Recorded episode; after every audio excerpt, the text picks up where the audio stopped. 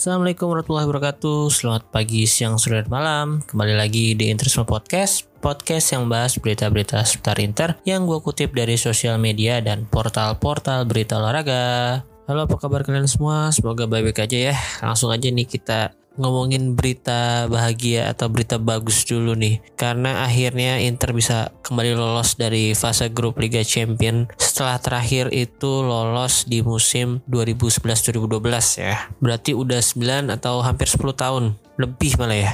10 tahun pas lah ya. Sekarang musim 2021-2022 terakhir kita lolos 2011-2012 wah udah gak kerasa ya Inter bisa lolos setelah kemarin berhasil memenangkan laga sengit melawan Shakhtar Donetsk dengan skor 2-0. Dua gol diborong oleh Edin Zeko yang sebenarnya di babak pertama uh, dia main jelek banget sih. Buang-buang peluang, ngeselin banget lah pokoknya. Cuman ternyata di babak kedua dia menjawab semua cibiran para Interisti di Twitter ya karena banyak yang menghujat dia juga tuh. Uh, akhirnya dia bisa, bisa menjebol gawang Anatoly Trubin setelah mendapatkan bola rebound tendangan dari Matteo Darmian yang membentur pemain belakang Shakhtar Donetsk ya. Dia langsung menghujam gawang Anatoly Trubin di sisi kanannya dia. Kemudian gol kedua dia cetak kembali. Kali ini dari skema counter attack juga ya. Dua gol Inter kemarin dari skema counter attack ya. Kredit untuk Ivan Perisic yang kemarin main bagus banget sih. Dari beberapa pertanyaan ini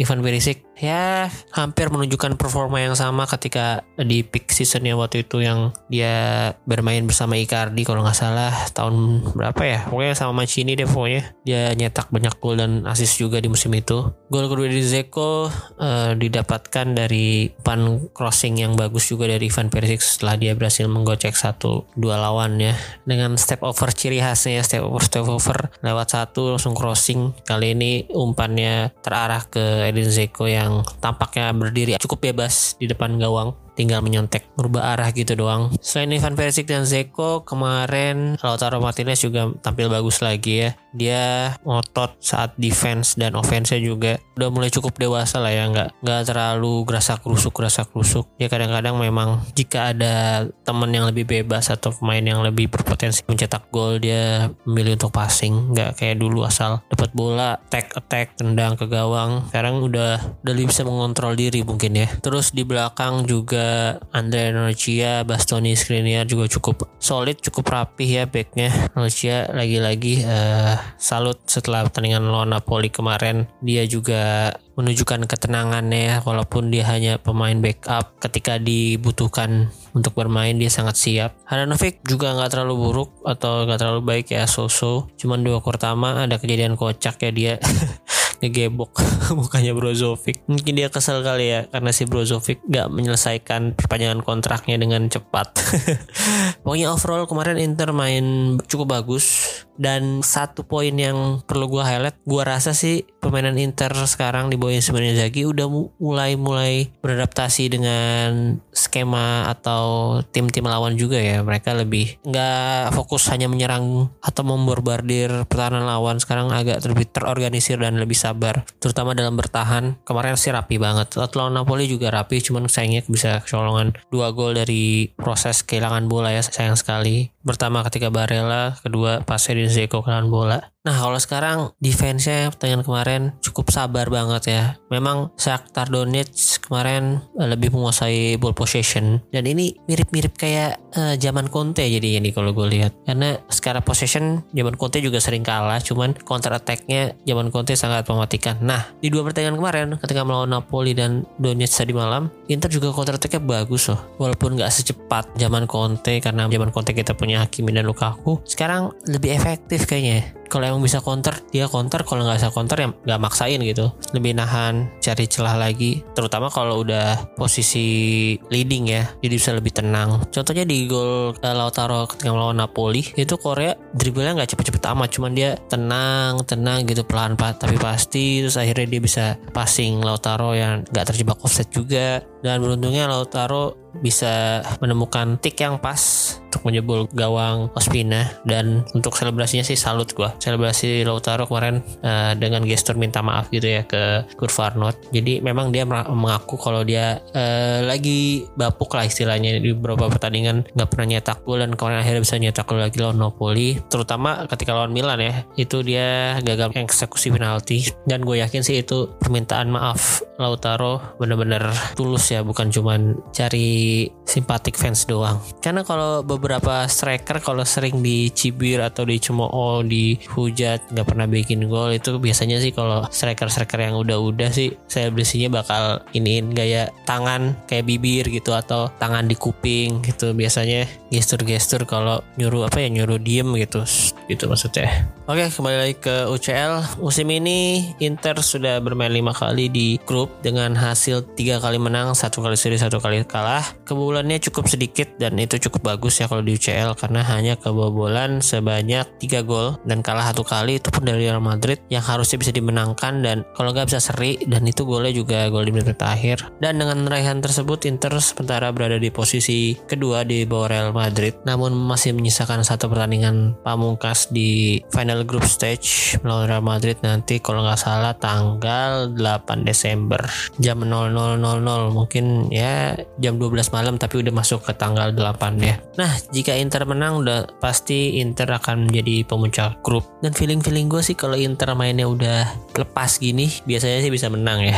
Apalagi kalau kita ngeliat di pertandingan pertama lawan Real Madrid Inter pun bisa mendominasi di babak pertama dan beberapa belas menit di awal babak kedua juga masih bisa mendominasi. Apalagi tren Inter akhir-akhir ini lagi bagus seharusnya sih bisa menang dan menjadi puncak grup. Kan lumayan kalau jadi puncak grup nanti kebagian undiannya lawan yang posisi kedua di grup-grup lain. Walaupun belum tentu akan lebih mudah juga sih. Bisa jadi ketemu Barca atau PSG aduh berat juga sih sama aja. Kemudian untuk memperingati berhasilnya lolos Inter ke babak fase knockout Liga Champion musim ini gue akan sedikit membahas kiprah Inter di Liga Champion dalam 10 tahun terakhir. Oke, untuk musim kemarin atau musim 2020-2021, Inter berada di uh, grup B UCL dengan Real Madrid, Shakhtar Donetsk dan Borussia Mönchengladbach mirip-mirip lah sama musim ini ya. Di musim kemarin Inter hanya bisa menduduki posisi keempat dengan torehan 6 poin di mana hanya menang satu kali, seri tiga kali dan kalah dua kali. Dan dengan hasil tersebut Inter dipastikan tidak bisa melanjutkan ke fase knockout Europa League apalagi fase knockout Liga Champion ya. Tapi hikmah dari uh, hasil tersebut Inter jadi lebih fokus di liga dan akhirnya bisa kembali mendapatkan gelar Scudetto untuk pertama kalinya dalam 11 tahun. Ngeselinnya di musim tersebut Inter dua kali ditahan imbang Shakhtar Donetsk dengan skor 0-0. ya sih ngeselin banget. Paling masih keinget sama semua Interisti pasti momen sundulan Alexis Sanchez yang diblok oleh kepala Romelu Lukaku. Dan di musim ini juga sebenarnya Shakhtar Donetsk berhasil menahan sekali imbang Inter dengan skor yang sama 0-0 itu ngeselin banget sih di temuan pertama Inter dengan Shakhtar Donetsk musim ini. Oke okay, next untuk musim 2019-2020 Inter berada di grup F bersama Barcelona, Borussia Dortmund dan Spartak Praha. Di musim tersebut Inter berhasil mendapatkan dua kali kemenangan, satu kali seri dan tiga kali kalah dengan torehan 7 poin. Inter berada di posisi ketiga di bawah Borussia Dortmund dan Barcelona. Tapi di musim ini Inter berhasil melangkah ke fase knockout Europa League dan bahkan berhasil melaju sampai final. Tapi sayang sekali harus terima kekalahan dari Sevilla dengan skor 3-2. Di musim ini Inter mendapatkan double winner tapi di posisi runner up di Serie A runner up di Europa League juga runner up. Oke, kemudian kita ke musim 2018-2019. Musim ini Inter bermain di atau akhirnya bisa kembali bermain di UCL setelah berapa tahun ya lupa deh pokoknya gue nggak ngitung cuman setelah lama lah pokoknya akhirnya di tangan Spalletti Inter berhasil kembali masuk ke zona empat besar dan bisa kembali bermain di UCL. Di grup ini Inter bertemu dengan Barcelona, Tottenham Hotspur, dan PSV Eindhoven. Sayangnya Inter hanya berada di posisi ketiga dengan torehan dua kali menang, dua kali imbang, dan dua kali kalah dengan total 8 poin. Next di musim ke 2017-2018 Inter nggak main di UCL, tapi di musim ini ada satu gol yang paling kita ingat yaitu gol di laga pamungkas Inter melawan Lazio di Giornata terakhir gol dari Matias Vecino di menit-menit akhir yang akhirnya berhasil mengantarkan Inter kembali ke Liga Champions musim depannya. Di musim 2016-2017 Inter juga masih belum berhasil uh, berada di grup UCL dan hanya main di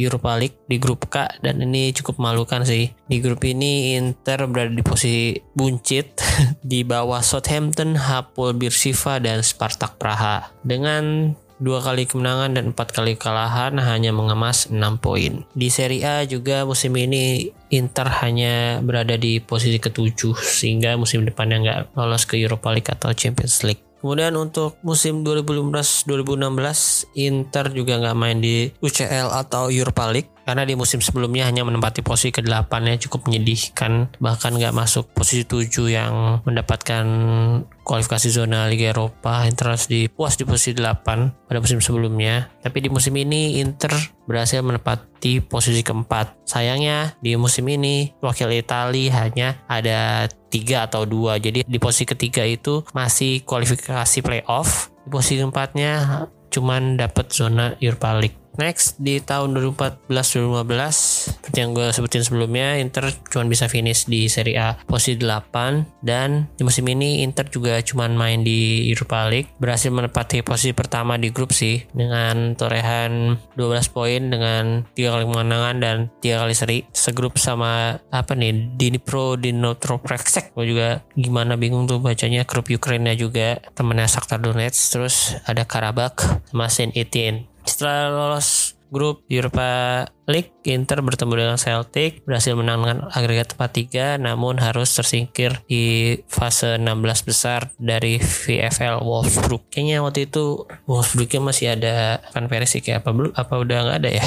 Eh udah nggak ada deh tapi masih ada Andre Schürrle sama Kevin De Bruyne gila tuh emang. Lagi bagus-bagusnya juga Wolfsburg. Next musim 2013-2014 salah satu musim awal-awal Inter dipegang Eric Thohir atau ini sih transisi lah masih awalnya masih dipegang masih Moratti kemudian dibeli Eric Thohir di tanggal 15 November. Oh berarti beberapa hari yang lalu ya ulang tahun pembelian Eric Thohir dan di tahun ini Inter nggak main di Eropa sama sekali dan hanya bisa berhasil finish di posisi kelima. Kemudian di tahun atau di musim 2012-2013 Inter nggak main di kompetisi Eropa dan hanya berhasil menempatkan dirinya di posisi ke-9 Serie A sayang sekali. Ini dipegang Andreas Ramaccioni waktu itu ya di awal-awal musim sempat meyakinkan cuman ketika di dera badai cedera Inter mulai keok di paruh kedua. Dan terakhir di musim 2011-2012 seperti yang gue udah sampaikan di awal tadi musim ini merupakan kali terakhirnya Inter lolos grup sebelum akhirnya kita lolos lagi musim ini. Di musim itu Inter berada di grup B bersama CSKA Moskow,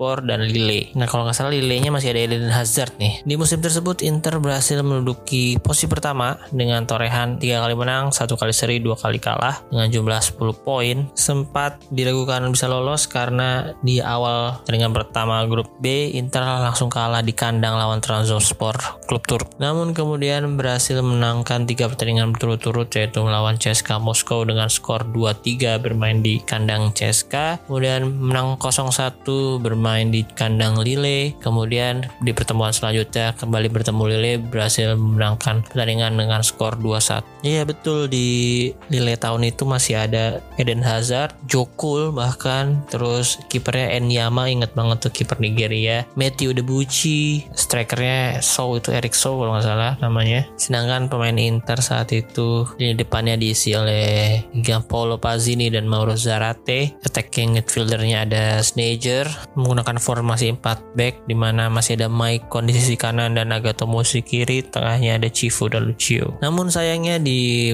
round of 16 atau 16 besar Inter bertemu dengan Marseille dan harus menerima kegagalan lolosnya Inter ke fase selanjutnya setelah kalah agregat dua sama sebenarnya cuman kalah gol tandang ya karena di pertemuan pertama Marseille berhasil menang 1-0 di kandang di pertemuan kedua Inter bisa menang dengan skor 2-1 2-1 di mana Marcel bisa mencuri gol. Kalau nggak salah Marcel itu pemainnya ada siapa tuh kapten Chelsea sekarang? Oh Aspilicueta ya benar masih ada Aspilicueta coba kita cek. Oh ya tuh kan ada Aspilicueta terus aduh oh Andre Ayew tuh yang di tahun sebelumnya di Piala Dunia 2012 jadi bintang juga. Sudah Matthew Valbuena, Amal Vitano, kipernya Mandanda. Terus backnya dan Kolo nih. Ini Kolo yang sekarang main Torino bukan ya? Nah ternyata pertandingan ini juga cukup dramatis ya karena di menit 75 akhirnya Inter bisa mendapatkan gol pertama dari Milito dan itu akhirnya satu sama kan satu sama. Nah di menit ke 90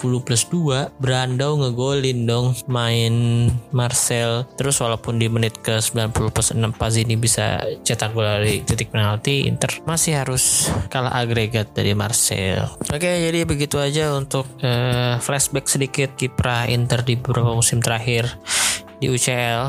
Semoga musim ini Inter bisa melangkah lumayan jauh ya. Gua nggak berharap langsung jadi juara juga sih. Cuman ya 8 besar atau semifinal lumayan sih. Ya yang penting kan eh, semakin panjang perjalanan di UCL semakin banyak pundi-pundi yang masuk ke kantong Inter. Biar nggak miskin-miskin amat lah. Biar bisa sengaja bayar gaji pemain itu nggak masalah lah. Beli pemain gratisan tapi bisa bayar gajinya tuh yang penting. Karena pemain gratisan musim depan itu lagi banyak-banyak yang bagus. Sayang banget kalau nggak bisa akuisisi karena gajinya nggak bisa dibayar atau nggak bisa akomodasi gaji pemainnya. Oke untuk selanjutnya mungkin sedikit preview Inter melawan Venezia yang akan bermain di hari Minggu malam atau Minggu dini hari Minggu pagi maksudnya. Malam Minggu lah hari Sabtu malamnya begadang. Inter akan bermain jam 2.45 waktu Indonesia Barat. Kalau dari segi atau dari sisi Venezia, gue kurang paham pemain-pemain dari tim ini ya.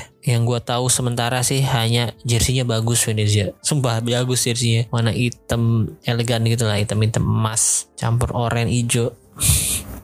Dan kalau dilihat dari standing atau klasmen sementara, Venezia berada di posisi 14 klasmen sementara dengan 4 kali kemenangan, 3 kali seri, 6 kali kalah. Not bad untuk sebuah tim promosi dari seri B. Masih bisa berada di atas Udinese dan Sampdoria yang kemarin Udinese dan Sampdoria bisa cukup merepotkan Inter apalagi Sampdoria. Kalau dari sisi pemain yang gue tahu ada Romero, kiper senior timnas Argentina, terus terakhir main di Manchester United ya sebelum ke Venezia kayaknya. Terus ada mantan wonderkid Chelsea yang sekarang kayaknya seharusnya masih pinjaman juga ya. Uh, wonderkid di FIFA 18 atau 19 lah ini Eternam Padu. Terus yang lumayan berbahaya juga si Okereke. Karena di pertandingan terakhir juga Okereke yang mencetak gol kemenangan Venezia kemarin. Dan kalau nggak salah Venezia ini banyak main-main mudanya ya. Dan ada beberapa pemain Amerika Serikat juga. Kalau nggak salah pemiliknya orang Amerika ya. Kalau kita sedikit lihat dari situs whoscored.com, karakteristik Venezia ini strength-nya ada di counter attack sama creating chance using through ball. Bah, jadi kayaknya akan mengandalkan kecepatan-kecepatan main-main uh, winger mereka atau terutama main-main muda yang larinya masih cepet-cepet. Si Okereke juga larinya cepet ya kayaknya kan dia. Untuk weaknessnya ada beberapa nih, salah satunya ada di keeping possession of the ball, finishing scoring chance, defending against skillful players, avoiding individual errors, avoiding falling in dangerous area, defending against attacks down the wings. Nah, beberapa weakness ini kayaknya harusnya sih bisa dimanfaatkan oleh main-main Inter ya. Pertama nih, keeping position of the ball. Kalau kita lihat dari pertandingan kemarin, pressing Inter juga cukup bagus. Jadi kayaknya Venezia juga cukup akan kewalahan ya ketika di pressing Inter. Terus defending against skillful players. Nah, skillful player Inter yang bisa gue cek gue cek sih lumayan ada beberapa. Ivan Perisic tentunya, terus Lautaro Martinez juga jago gocek, uh, Joaquin Korea juga dribblingnya bagus, Barella juga bagus, Dumfries kalau di Belanda bagus, di Inter masih kurang kelihatan.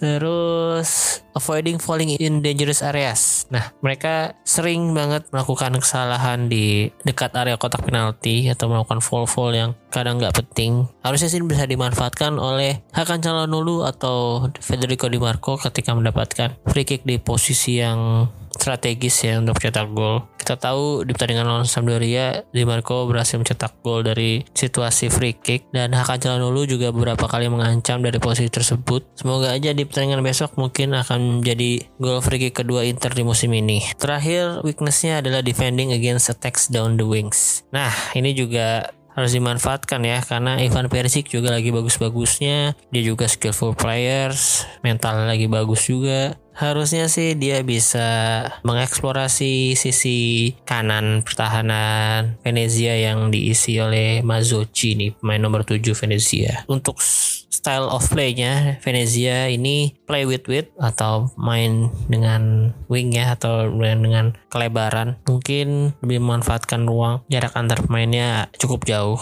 Terus attacking down the left jadi nyerang dari sisi kiri long ball attempt through balls often sering kasih through ball through ball agresif untuk defense-nya terus defense-nya playing in their own half dan rotate their first eleven jadi karena pemain-pemain mereka nggak ada yang terlalu menonjol uh, starting eleven dan bench-nya mungkin akan cukup berimbang ya. Jadi mereka nggak masalah mainin uh, melakukan pergantian pemain. Untuk top player mereka saat ini ada si Okereke dengan 4 gol, Aramu 4 gol juga. Untuk asisnya ada Busio dan Aramu dengan masing-masing 2 assist. Untuk rating player terbaik untuk saat ini dari Venezia ada Sergio Romero dengan 7,48, Busio dengan 6,86, Habs dengan 6,83, Okereke 6,79, Caldera 6,71. Nggak ada yang di atas 7 ya selain Sergio Romero. Di atas kertas sih harusnya Inter bisa menguasai pertandingan dan memenangkan pertandingan. Untuk uh, perakhiran formasi kalau dari Gazeta.it Inter akan tetap bermain dengan 352 di lini belakang akan sama seperti ketika melawan Napoli dan Shakhtar kemarin. Kipernya ada Handanovic, backnya Skriniar, Ranuccia dan Bastoni. Sisi kanan kiri tetap Darmian dan Perisic, tengahnya juga tetap sama Barella, Brozovic, Calhanoglu. Depannya ada Korea dan Lautaro. Jadi ini sama-sama persis dengan pertandingan ketika melawan Napoli atau hanya beda di Korea dan Zeko ketika melawan Shakhtar Donetsk kemarin. Untuk di segi atau di sisi Venezia, kiper ada Romero, backnya mereka menggunakan 4 back, ada Mazzocchi, Caldara, Cesaroni dan Habs. Kemudian tiga pemain tengah ada Ethan Apadu, Faka dan Fusio. Tiga penyerangnya ada Aramu, Okereke dan Johnson. Terus terang gue belum pernah melihat pertandingan full ya Venezia musim ini Cuman kalau dari statistik dan style of play yang gue lihat tadi, Inter kemungkinan besar akan berhasil menang dan semoga aja clean sheet kalau nggak kecolongan dari kesalahan-kesalahan elementer yang dilakukan oleh pemainnya sendiri. Prediksi skor dari gue sih akan seenggaknya 3-0 walaupun main di tandang harusnya ini jadi salah satu momentum yang harus diteruskan oleh Inter karena berhasil menang dari Napoli yang merupakan pemuncak grup sementara Serie A musim ini kemudian berhasil menang dari Shakhtar Donetsk yang mengantarkan Inter ke fase knockout Liga Champions musim ini.